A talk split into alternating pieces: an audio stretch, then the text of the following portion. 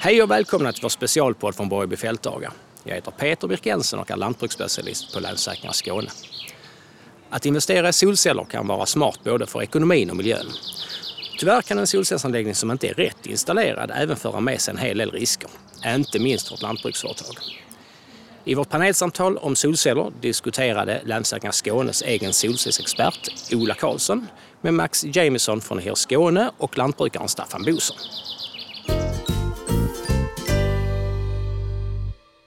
Välkomna till detta panelsamtal kring solceller.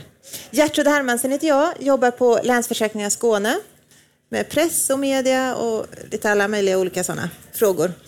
Här eh, bredvid mig har jag en namnkunnig panel och vi kommer att lotsa er kring alla utmaningar och möjligheter som finns kring solceller. Här har vi tre personer som på många sätt har eh, stor och lång erfarenhet och mycket kunskap kring solceller. Vi kan börja med min kollega Ola Karlsson ja. här från Länsförsäkringar Skåne. Ja, precis. Jag heter Ola Karlsson och arbetar på Länsförsäkringar Skåne som skadeförebyggare. Har gjort det i 16 år här till hösten. Eh, arbetar med elbesiktningar. De senaste åren så har det blivit jättemycket solcellsinstallationer vi besiktigar. För vi tittar på alla installationer på lantbruk idag. Och sen har vi Max Jamison från HIR Skåne. Ja. Energirådgivare. Just ja. det. Ja. Jobbar med energirådgivning, solceller, biogas, energieffektivitet och sparsam körning. Har varit ett par år här nere i Skåne, men är östgöte egentligen, så det är därför jag låter lite konstigt för några av er, tror jag. Och du har också egen verksamhet? Eget... Ja, lite grönsaksodling. Mm, fint. Och sen har vi Staffan Brorsson, lantbrukare från Skåne. Berätta. Jag tänker att du kan börja med att berätta om din verksamhet för att du har ju erfarenhet av solceller i din verksamhet, installation. Uh, ja, jag är uh, växtodlingslantbrukare uppe från Helsingborg och uh, 2017 så la jag upp solceller på ett gammalt stalltak. Och vi kanske kommer in mer senare på hur kom det sig att du valde det? Alltså, hur kom det sig att du bestämde dig för och installera solceller? Jag hade ju tittat på solceller sedan många år tidigare. Och sen så var det att bedöma när är det rimligt att satsa? När har tekniken kommit ifatt? När har priset gått ner? När börjar det plana ut? Hur länge ska jag vänta? Jag vill ju egentligen ha pay-off-tiden så länge jag är aktiv brukare och bor kvar. Lite så. Och sen så tittar jag dels på tak och dels på mark. Ja, just det. Det berättade du att du började med att titta på att du skulle installera solcellerna på marken. Nej, på taket. På taket. Så. Och sen så gick det ner att jag skulle äh, lägga dem på marken eller sätta dem på marken för då kunde jag själv gå och pula med det tyckte jag. Gräva ett plinthål då och ett plinthål sen. Men inser att det blir inte av utan det är bättre att göra allting på gång. Det blev upplagt på tak och eh, mitt gamla eternit-tak blev utbytt mot plåt. Så nu har du sedan två år tillbaka ungefär ja. solcellsanläggning på tak? 2017 blev det eh, gjort. Ja. Hur har det varit den här resan? Har det varit en solcellshistoria, en solskenshistoria? Det har väl varit, eh, jag ska säga, det värsta är beslutsångesten för sig själv. Mm. Välja offerten. Välja den, offerter, ja precis. Alla olika. Och eh, då hade jag tagit in offerter under ett antal år så jag visste ju li, liksom hur det var och eh, sen visade sig att när jag skulle söka solcellsstödet så var, måste man ha en elektriker med sig. Mm. Och så sa min elektriker, vet du om att jag säljer solceller? Nej. Och i och med att han gjorde det så var valet lätt. Ja, ja, okej. Okay. Även, alltså jag kunde ju... Så alla, du kunde slänga alla offerter? För du ja, i, i princip för att även, även om jag kunde pressat priset någon annanstans lite grann så var det inte värt det. Mm. Utan jag fick en som tog hela ansvarsbiten och som jag vet då, som vi kommer till in sen med Ola, att eh, jag tror både Ola och jag har bra förtroende för den här installatören mm. som jag har använt. Ja, men det har jag förstått att det är A och O att ha den här relationen och förtroendet för installatören. Ja, och eh, det börjar egentligen redan tidigare en gång i tiden när jag gick in i Säker gård då vi hade en elbesiktning från början av eh, hela lantbruksfastigheten. Då det var rätt många punkter som skulle åtgärdas för att kunna få eh, gå med i eh, Säker gård. Hur stor verksamhet har du? Vad har du för... Ja, eh, jag har minskat ner eftersom jag jobbar ut, utifrån så att eh, idag driver jag inte mer än eh, 70 hektar växtodling. Och den här eh, energin som du genererar med dina solceller, kan du sälja den vidare också eller täcker den bara ditt, din förbrukning? Nej, jag eh, använder cirka 25 procent av det jag producerar. Resten eh, går till försäljning. Och det hade du beräknat sedan tidigare att du skulle ha det på det sättet? Eller? Det, det är svårt att säga. Utan, eh, vi kanske kommer in på det senare också eh, när man, eh, om vi ska prata anslutningar och sådant. Att elbolaget kan sätta lite käppar i hjulet. Och sen så är det beroende på om man vill vara mikroproducent eller inte. Ja. Men Så det, det gäller, det gäller att balansera. ja, men det är väl, kan vi prata om nu? Vad är det som avgör vilken storlek man ska ha och vilken typ av anläggning man ska bestämma sig för? Ja. Om jag får börja så en anläggning som är avpassad till den egna verksamheten först och främst. Sen så får man ju titta då dels i kalkylen vad det kostar investeringen och vad du kan sälja din ström för, om det är ekonomiskt fördelaktigt och hur ekonomiskt fördelaktigt det är att sälja den. Men de flesta gångerna så är det ju det bäst, där du tjänar in mest pengar och snabbast pay-off-tid, det är om du kan använda strömmen själv. Och det är alltså, du behöver ström när solen lyser. Om jag säger så, det, då får du den bästa pay-off-tiden. Och hur stor verksamhet ska du ha för att det ska löna sig då? Kan man tänka på det? Ja, eh, alla har ju ett kylskåp och en frys som behöver gå när det är varmt och sol ute. Du kanske kan börja där. Eh, redan där kan det vara ekonomiskt försvarbart till, med en jätteliten anläggning. Men de som har fläktar i eh, kycklingstallar, grisstallar, de som behöver ström för att kyla mjölk.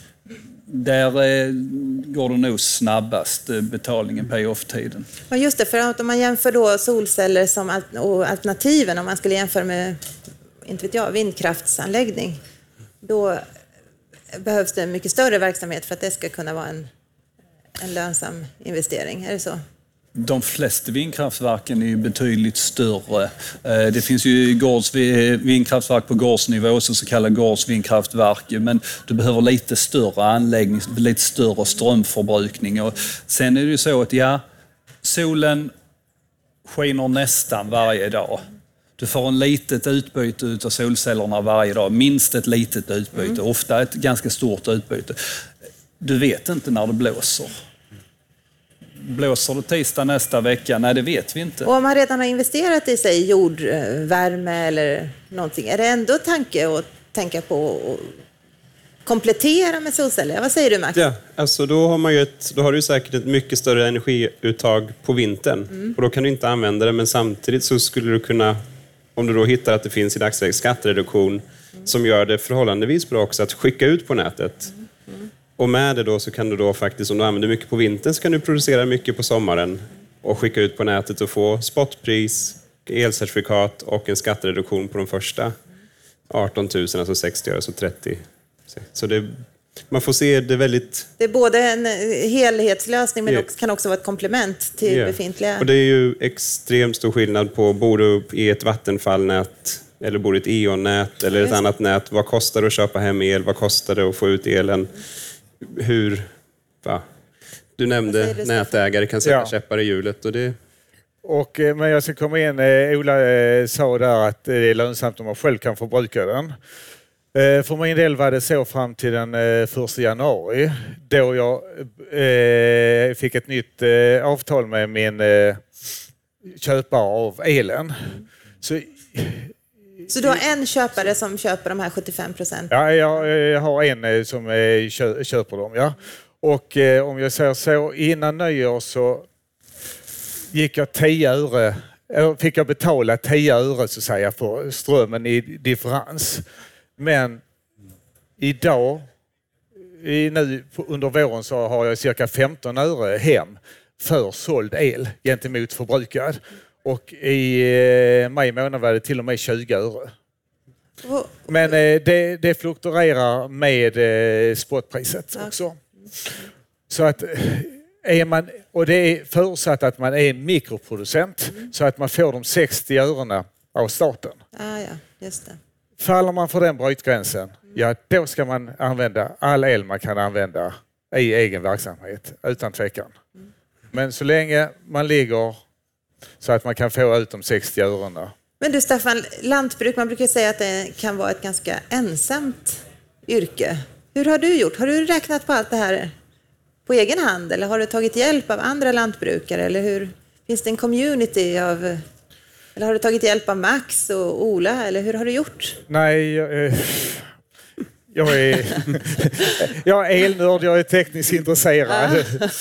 Eh, jag eh, jobbar med lite eh, tekniska frågor, den biten, så att mitt intresse ligger, Ja, ligger där. Tror du att det är en förutsättning? Så att eh, tyvärr så har inte Hushållningssällskapet fått bidra med någonting. Ja, just det. Tror du att det är en förutsättning? Är det så komplicerat? Och... Nej. Nej. Det är det inte. Man behöver inte vara... Och eh, Ola nämnde, eller om det var Max här, lite om elcertifikaten. Ja, vad är det? Och, och det, det är ju också en eh, liten eh, bit för sig själv. Om du vi säger för tio års... Max kan dra eh, elcertifikatshistorien kanske. Bättre än... Eh, så sitter jag och eh, svamlar här. Kort uttryckt så är det, man vill premiera att det ska finnas förnybar energi på marknaden och alla som producerar ej förnybar energi måste köpa in en viss andel förnybar energi. Och det gör man genom att köpa ursprungsgarantier via elcertifikaten. Så det är en marknad som går upp och den går ner. Och under 18 var det väl från, var det nere på 5 öre Ja, till, under den 20 nästan. ja, till 27-30 öre ett tag. Så att den marknaden går upp och ner väldigt snabbt. Men man behöver inte sälja på spotpris där, utan där kan man spara och sälja när man vill också. Så att i min beräkning med de här 15-20 örena som jag ligger plus på utlevererad el idag är inte elcertifikatet inräknat. För att vi vet inte, och vi vet inte om de kommer att finnas kvar. Just det. Problemet är ju de som skaffade vindkraftverk för 10 år sedan. Då hade vi ett elcertifikatpris på 50-60 öre som då var halva intäkten och den bara ett och tre försvann ner till 5 öre. Så att jag har inte haft den med alls i kalkylerna. Och sen de som funderar på här kan vi ju säga att om de försöker sälja på elcertifikatmätare eller någonting sådant så räkna noggrant på det. För att eh, jag får elcertifikat på den ström som jag levererar ut, alltså på de 75 procenten. Jag får inte på de 25 procenten som jag förbrukar själv.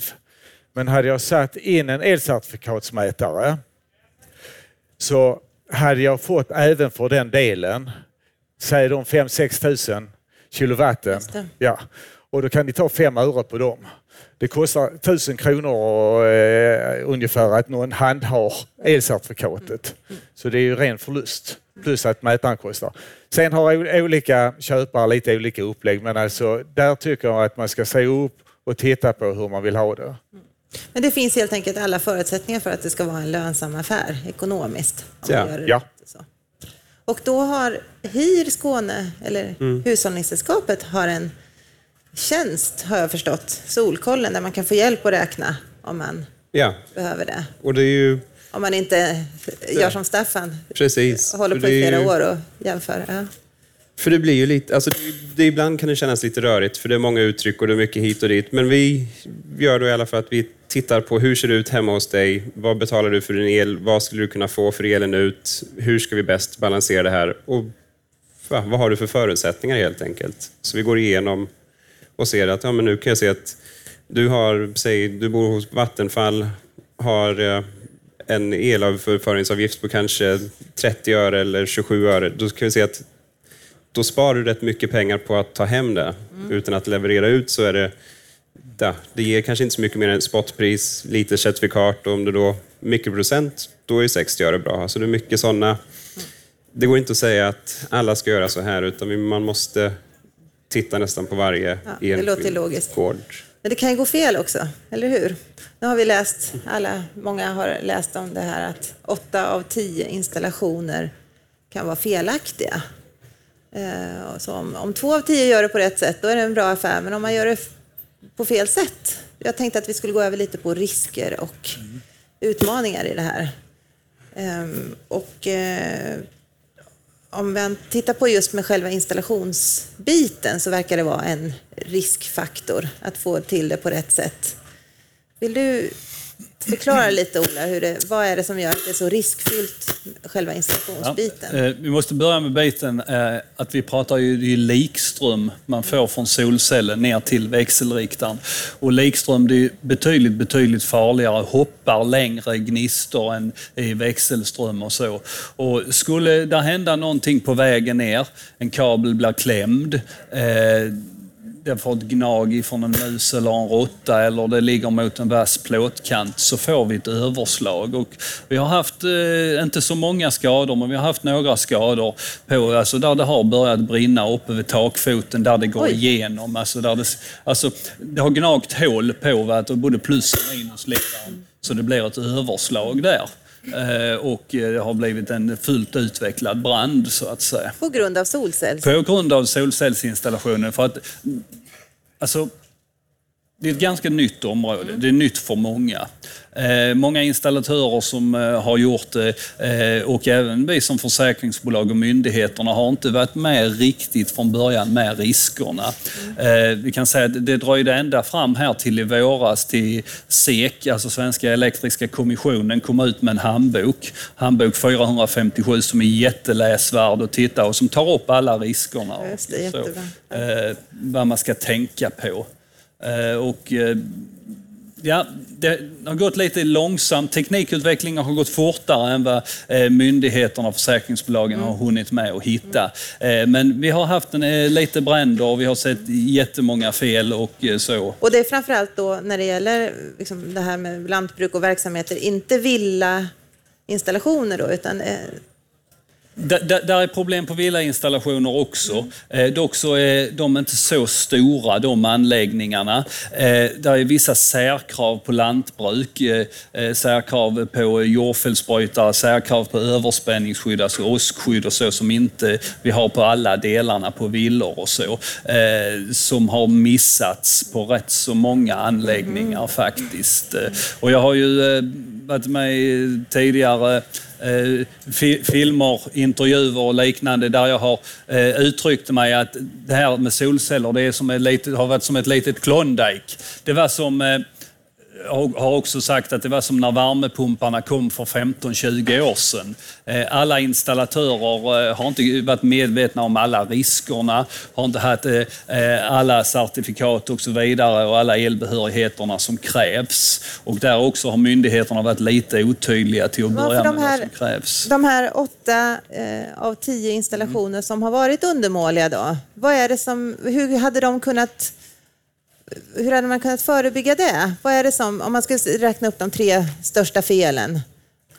Tre för, största felen. Eh, kabelförläggningen. Att den ligger då över vassa kanter? Vassa kanter, öppet? eh, för öppet för möss, råttor eller eh, ligger klämda under eh, tak, takpannor, att de ligger rakt klämda under takpannor, kablarna. Eh, genomföringarna genom taket. Ja. Eh, på jordbruk så avsaknaden av jordfällsbrytare. Det är väl de tre största. Det låter ju ändå som ganska rimliga saker som man borde ha kunnat klara av.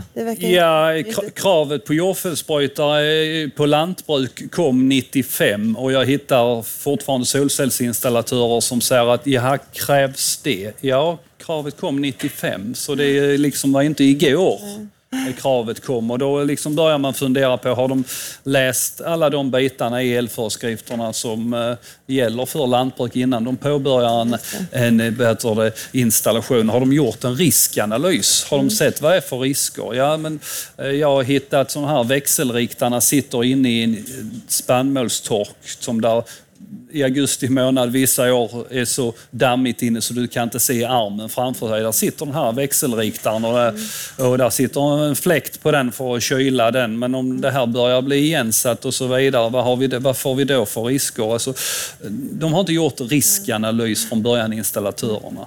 Jag vet ju att du brinner för den här frågan, att du har väldigt mycket kunskap och erfarenhet av det här och att du ser de här felen och lider med dem eh, ja. har Ja, men det är så här, alltså, en av Länsförsäkringars honnörsord eller liknande, det är ju skadeförebygg. Och kan då jag och mina kollegor som skadeförebyggare minska eller få bort en brand, att en brand aldrig blir från början, då har vi gjort något enormt för miljön. För att är det någonting som påverkar miljön så är det en brand. Alltså en, en brand i en villa eller en brand i en ekonomibyggnad, ja, Först och främst så har du människors och djurs lidande. Sen så har du, alltså värde går till spillo och sen så har du en enorm miljöpåverkan. Kan vi liksom slippa den påverkan på miljön så blir det lite bättre för ett hållbart samhälle. Mm. Så är det ju verkligen. Alltså, om man tittar på miljöaspekterna med solceller så är det ju både det här med... Ja, du hade en, en eh, Max, du pratade om om man jämför solcells, eh, utsläppen från solcell med andra energislag så är det skillnad. Det är intressant mm. att just de här två aspekterna av miljöhänseende av solceller. Dels att, att eh, eh, man sparar ja. på utsläppen då. Det är ju, alltså man ser det som att man tar solcell, när det blir faktisk el i solcellen så det är inget utsläpp. Mm. Alltså det, det är ju noll i utsläpp. Däremot om du har eh, bland det värsta man kan hitta på är väl säga ett kolkraftverk utan värmeåtervinning och då är det kanske en kilowattimme ger kanske nästan ett kilo koldioxidekvivalenter i liksom utsläpp. En kilowattimme, ett kilo, Oj, det är ju helt otroligt. Ja, så det är liksom en, ett jättespännvidd där. Och sen kan man ju då liksom säga, ja, men Sverige, hur ligger vi till här? Vi har bra med vattenkraft, vi har liksom ändå vindkraften, kärnkraft, och så vi, men vi ligger fortfarande på ett snitt på kanske 120-125 kilowattimmar per kilowattimme som vi använder i Sverige. Och då, ja, så då är noll är ju jättebra. Det går inte att bli mycket bättre, men sen kan man ju börja tänka, okej, okay, vad har det kostat för att få fram den här liksom, panelen? Just det, hur, till själva tillverkningsutsläppen då för panelen. Och då är det ju skillnad, vad har den gjort? Så Europa, Kina, hela i Kina, delar i Kina, delar i Sverige, men det eller i Tyskland eller någon annanstans. Men om man säger en europeisk, då kanske det ligger mellan 20 och 25 kilowattimmar i klimatpåverkan under de första 15-17 åren och sånt. Sen ser man att den har liksom betalat tillbaka sig. Så som, som, som lantbrukare för att installera då, då ska man också titta på var panelen är gjord helt enkelt, själva produkten och, och då man, alltså, alla lantbrukare vill ju att vi ska ju köpa svensk mat och svenska produkter i Sverige, så då får man ju göra det också själv när man tittar på någonting. Mm. Så man inte bara tittar på ett pris hela tiden. Mm. Det är ju en åsikt som jag tycker att man får väga in i det hela ändå. Och sen får man sätta ett värde på det, vad det är värt också. Mm. Jag vet inte om du hade någon Staffan, har du tänkt på de här båda aspekterna när du har Nej, de, de aspekterna har ju inte legat för mig, Avgöra. om man får säga så grovt alltså, i, i de tankarna. Utan, eh, och det är ju inga ideella skäl jag har lagt upp det enbart, utan det är ju en sammansatt mm. bit av påverkan som man blir matad under tiden med. Alltså att det kommer ju till en, men man behöver ju inte vara ideologisk för det så att säga. Men alltså, det, och det är lika samma sak som... Det, är bäst, det bästa är när man kan både göra en bra ekonomisk affär och en bra ja. klimataffär. Det är ja. dit man vill komma. Och det, det gör ju ingenting. Mm. Nej, nej. För att eh, den debatten har ju egentligen aldrig varit på solcellerna som det är på våra elbilar idag. Mm. Där eh, det räknas lite olika beroende på vem som räknar på klimatbelastningen där. Mm. Mm. Den har jag egentligen aldrig hört när det gäller solceller. Mm. Eh, Ola, eh, vi var inne på risker och sådant. Ja. Eh, jag tycker för ens egen del att där ska finnas överspänningsskydd. Överspänningsskydd? På anläggningen. Eh, för att, som en ren försäkring för sig själv ifall där skulle det hända någonting. Både lekströmssidan och på växelströmssidan. Ja, det, det, är helt klart och det är ett av kraven i eh, elinstallationsreglerna att eh, lantbruk, andra kommersiella fastigheter och liknande, eh, skall, där ska finnas överspänningsskydd på både på likströmssidan och på växelströmssidan. Ja. Och då, då, tycker jag även alltså för ens egen skull att man ska ha övervakning på dem. För det, det, det, är ju så att när de har gjort sitt jobb så ser man inte det utan att man tittar på dem fysiskt. Strömmen bryts inte. Det är helt rätt, ett överspänningsskydd. Man kan jämföra det som en, eh, en gammaldags säkring så att säga. Det är en engångshistoria. Mm. När, den när åskan har väl varit och hälsat på, eller överspänningen, så är den förbrukad. Men eh, det är inte varje dag du går och tittar i det här skåpet där överspänningsskyddet sitter. Eh, men eh, har du övervakning på det så du har ett larm eller en lampa tänds eller någonting. Ligger det ansvaret på verksamheten så att säga? På Nej, men det, för din egen del, för nästa gång det händer så har du inget skydd. Ja, nej, ja, nej men det ligger på innehavaren på så att säga, det ansvaret. Så. Sen, mm. Vi säger att det ska finnas och så säger vi att vi rekommenderar med övervakning mm. på, så gör vi. Ja, men jag hörde att det finns en kravlista på vad Länsförsäkringen i alla fall ja. Eh, kräver. Kravlista, eller ja, vi har valt att kalla en checklista, men mm. det, det, det en, vi har sammanställt, jag och kollegan Mattias, vi, eh, när vi började åka och titta på dessa anläggningarna så återkom det här vid att vi hittar ju samma fel hela tiden. Och, eh, ja, Lat som man är som människa, då börjar jag ju klippa och klistra från gamla protokoll. Och sen kom jag på, det var ju samma punkter jag tog hela tiden. Och sen så tänkte jag att nej men så hörde jag med marknad och kommunikation och eh, då eh, de olika avdelningarna, ska vi inte göra någon slags checklista, kontrolllista? Och sen så har det då blivit eh, ett krav för att få den införsäkrad idag, att man ska gå den här checklistan tillsammans med solcellsinstallatören ska man bocka av att detta är kontrollerat och detta uppfyller det regelverket. Och det, och det är allt ifrån vad heter det, snö och vindlasttryck till att man har de här med överspänningsskydd. För att ja, som Staffan gjorde, det är ju idealet. Staffan hade ett gammalt tak som om vi ska vara ärliga, ska vi säga att det hade sett sina bästa dagar. Jo. Ja, så. Och, och, då valde du att nej, men jag smäller upp ett helt nytt tak och förstärkte undersidan på det så, så det blir bra och stadigt och sen så Sen så täcker han det här nya taket, det här nya vackra taket, täcker han med solceller med en gång. Men det blir ju bra, för du har ju bra, en bra, ett bra underlag och bra infästningsmöjligheter. För ett tak som börjar bli 40, 50, kanske till och med 60 år. Lägga upp någonting där som ska kanske hålla 25, 30 år 35 år har jag hört vissa säga att våra grejer håller i 35 år. Ja, då börjar ju nästan det här taket bli 100 år under. Ja, vissa tak håller så länge men eh, jag tycker man ska göra som Staffan, att se till att du har ett bra tak, bra underlag, eh, se till att det klarar snö och vindlast som krävs. Och även det här, alltså även om en solcells installation inte blir många kilo per kvadratmeter, men det tynger ju ändå till det lite. Så man ska, har man en hyfsad nybyggd maskinhall, verkstad, liknande djurstall, så ska man höra med sin, eh, där man köpte byggnaden från, klarar den här byggnaden av att ha solceller på? För att har de inte haft i beräkning eller en viss överdimensionering så eh, vid ett enormt snöfall så eh, kan det vara tillbaka. Jag tänkte en sak vi oftast pratar om i själva rådgivningen är att se till att man får ett bra infästningsmöjlighet, alltså själva infästningssystemet. För det är som du säger, 20-30 år, då ska man inte spara in på det. För jag vet inte, har du också sett många sådana problem?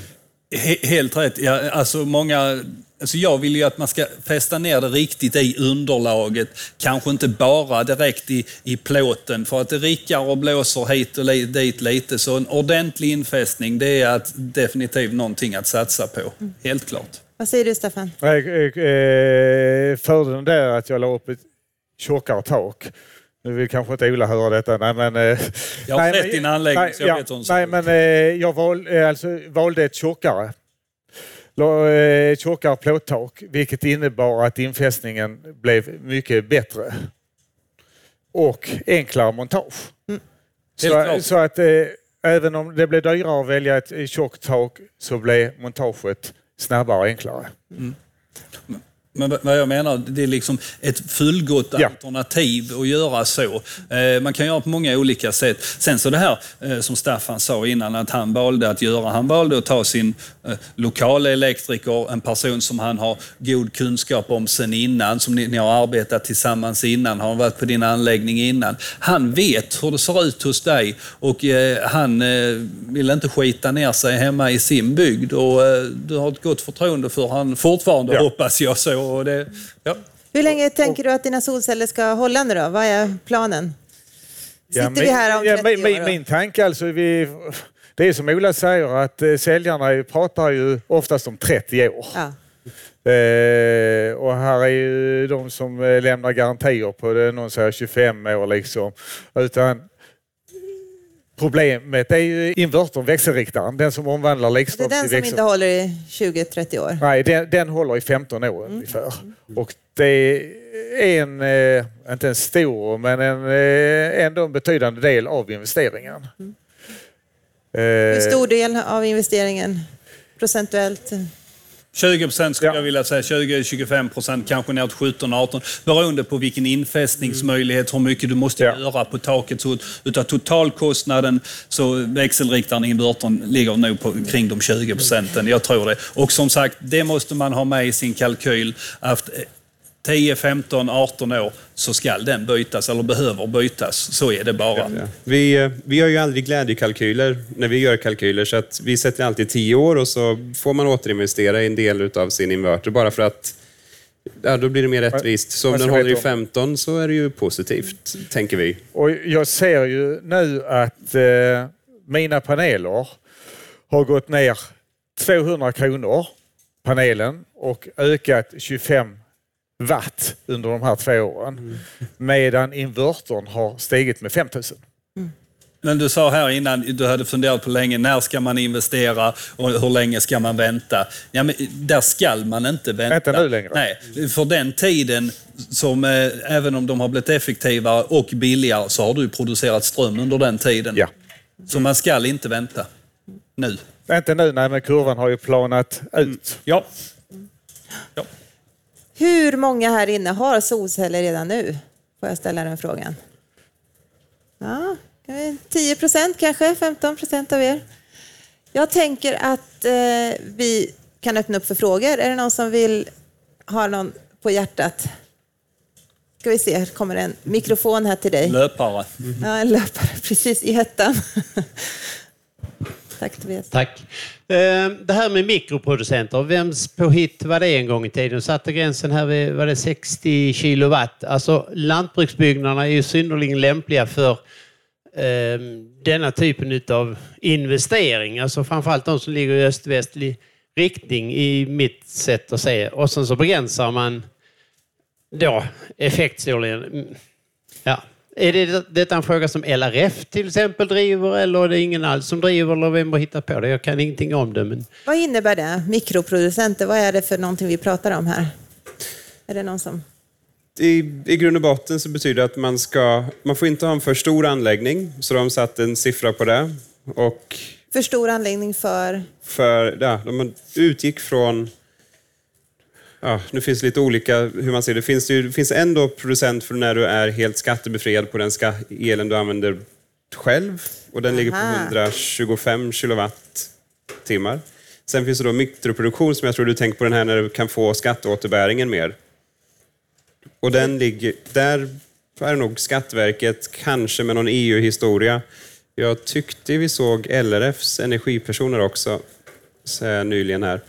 Men han kanske gick igen. Men där, det är Skatteverket som har den biten helt enkelt. Det finns helt enkelt olika nivåer på eh, vad, vilken typ av eh, skattelättnader och Ja, skattereduktion. och hur det funkar och det. Och vad vi- du kan och inte kan göra. Men det, tanken, de här 60 ören, det var mer bara, det är nog tanken där är anpassat efter privatpersoner att det ska inte göra så stor skillnad om du säljer elen eller om man använder den själv eftersom att de här 60 ören är ungefär samma som energiskatt och moms på det hela medan lantbruket betalar ju då inte med moms och väldigt liten energiskatt. Så det är därför det blir en, mer intressant för oss som då har lantbruk att titta på just den här mikroproduktionsdelen att vara skatteåterbäringen. Men det kanske inte svarar exakt på frågan, men det är Skatteverket skulle jag tippa på.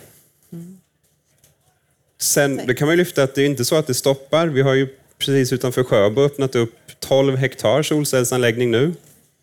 Så att, men de är ju produktion, alltså det är en produktionsanläggning. De producerar el och säljer den rakt upp och ner. Och så har de får som betar under. Vilka är det som har gjort det? Vem är det som är, Eh, är det en lantbrukare alltså? Cozy Ranch, det är ju, um, vad heter de? Färs och Frost? Nej, inte Färs och Frost. Är det så att det blir en extra affärs... Några, ja, det är en del utav dem. Ja. Och så har vi Sparbanken Syd i Skåne köpt in sig. Och var det Nordic Solar? Nej, jag kommer inte är en tredje aktör. Ja, just det. Och de ser, kanske bygger ut sig och blir dubbelt så stora, tre gånger så stora om ett par år. Hur, hur, Staffan, nu när du har gjort den här resan, hur ser du bland dina kollegor i branschen? Ser du, eh, har du varit en inspiration för andra, eller hur? Hur ser det ut omkring dig? Jag skulle säga att eh, hemma vid så var det ju de, alltså det är mer byggt innan än efter Ja. att jag har gjort det. Så säga. Men jag tänkte just nu när vi pratar om produktionsanläggningar och ska man ha produktionsanläggningar så är det mark det ska stå på för att du får ut mer för att Ja, till skillnad från tak. det, det, Att, ja. På ett tak så, alltså eh, något som knäcker produktionen av sol, eh, solenergi är värme. Jag får ut mycket mer energi i maj och oktober ifrån cellerna så att säga momentant när det är svalt än vad jag får nu. För att eh, nu kommer det inte upp, alltså man tycker att eh, solen lyser för fullt men anläggningen kommer inte upp i full produktion. Är, det, är det panelerna som inte är anpassade för, för värmen? Vad säger du, Ola? Alltså, Det är panelernas uppbyggnad, alltså kislen eh, som då producerar ström när eh, solen kommer igenom, väldigt enkelt förklarat. I alla fall, när den producerar ström så utvecklar den värme.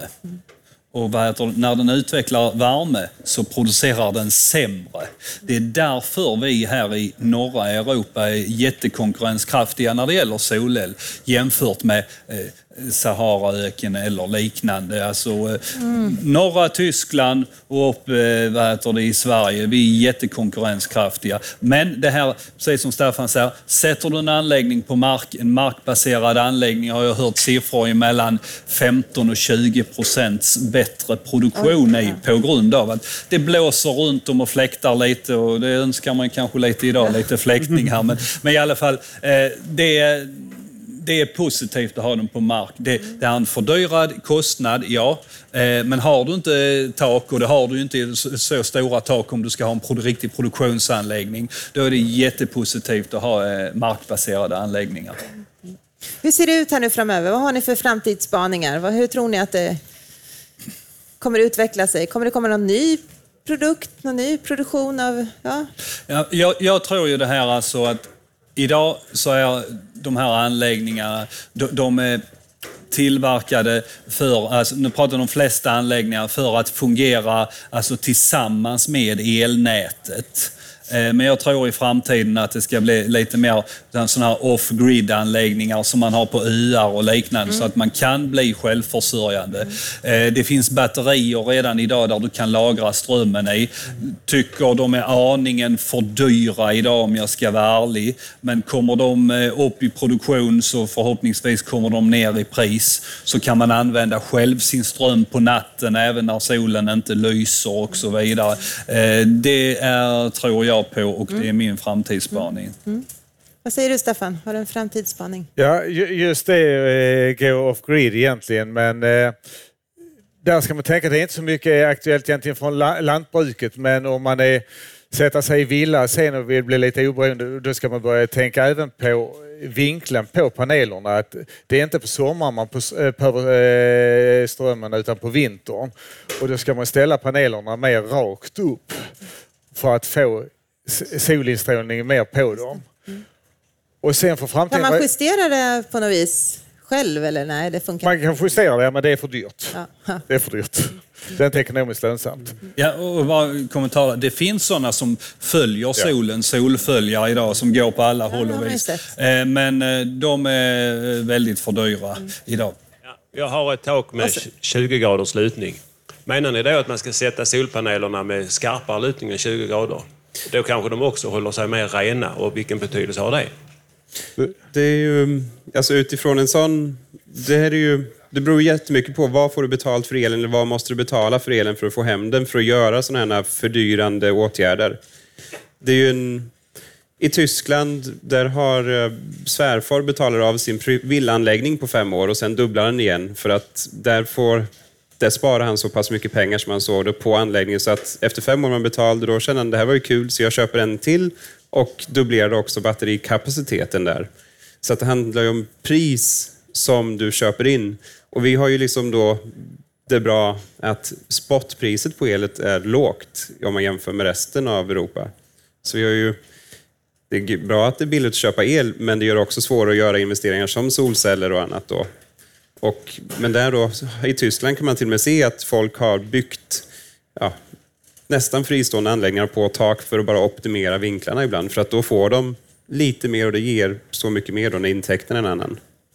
Kan vi se, vi har en fråga här. Ja, eh, eftersom det nu här är en fråga som tydligen kommer att exekveras allmänt. Så det tydligt är att det är en väldigt positiv grej som är på gång. Och då är det så här, om något händer, då har vi Länsförsäkringen.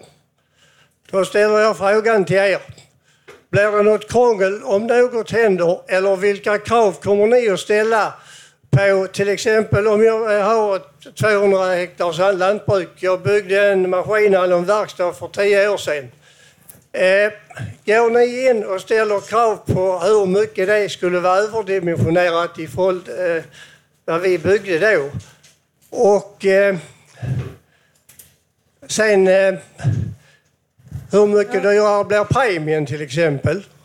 Och så vidare. Ja, men det är en bra fråga. Hur, hur relaterar den här investeringen till Länsförsäkringars Jo, eh, så här. Eh, man kan säga så här att vi tittar på vilket år du installerar solcellsanläggningen. Det året du installerar solcellsanläggningen, den ska följa de kraven som gällde det året. Gjorde du den för två år sedan, då fanns det vissa krav. Då ska du följa det. Eh, och gör du den i år så ska den följa årets krav. Eh, sen när skadan sker så tittar man, ja men han gjorde det eh, 2018. Och 2018 var det de kraven som gällde, då är det så det ska se ut. Säger kravet eh, att det är, att det är det kravet som gäller det året du installerar solcellsanläggningen. Det är inte när du byggde huset. Därför är det bäst att du alltid frågar ditt försäkringsbolag, oavsett vilket försäkringsbolag det är, när du ska göra installationen. Jag tänker göra det på detta huset. Vad rekommenderar du mig till att göra på det huset? Och då kan jag säga att nej, men jag rekommenderar att du ska göra en eh, konstruktionsberäkning och se om detta huset fortfarande håller de kraven det ska hålla idag, eller om de håller de kraven ska hålla idag. Sen så på din andra fråga, det här att vad det kostar ekonomiskt.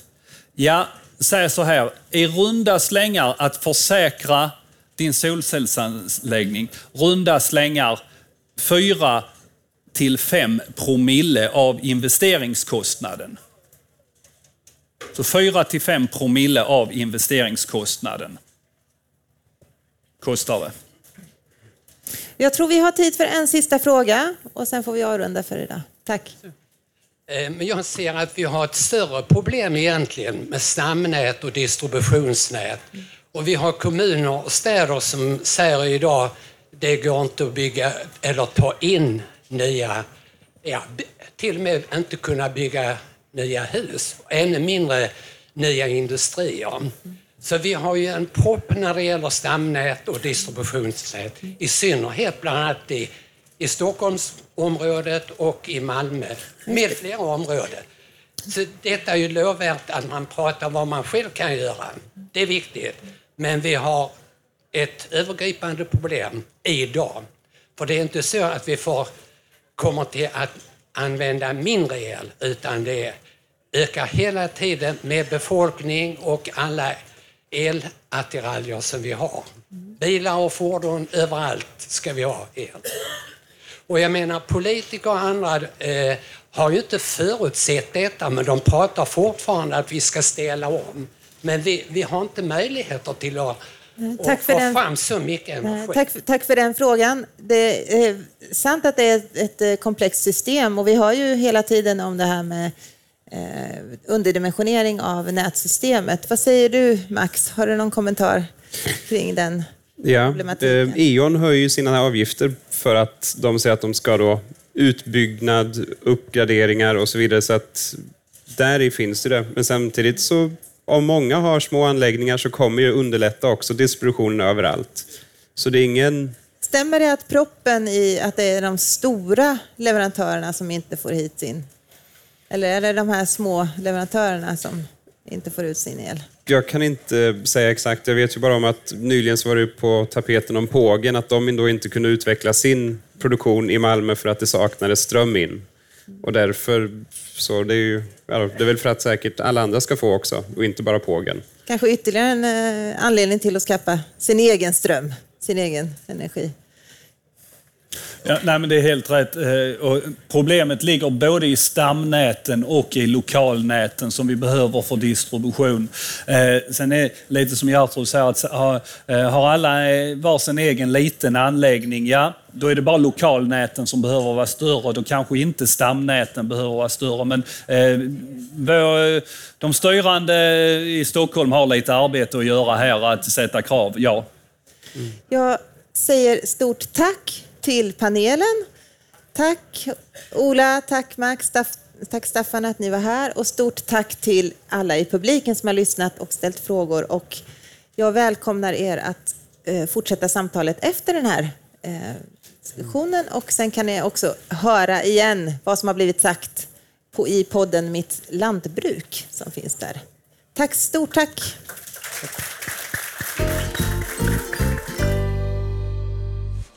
Mer information om vad du ska tänka på om du funderar på att installera en solcellsanläggning hittar du på vår hemsida. Skriv solcellsanläggning i sökord, sökfältet så hittar du rätt. Lyssna också på våra andra poddar från Borgeby.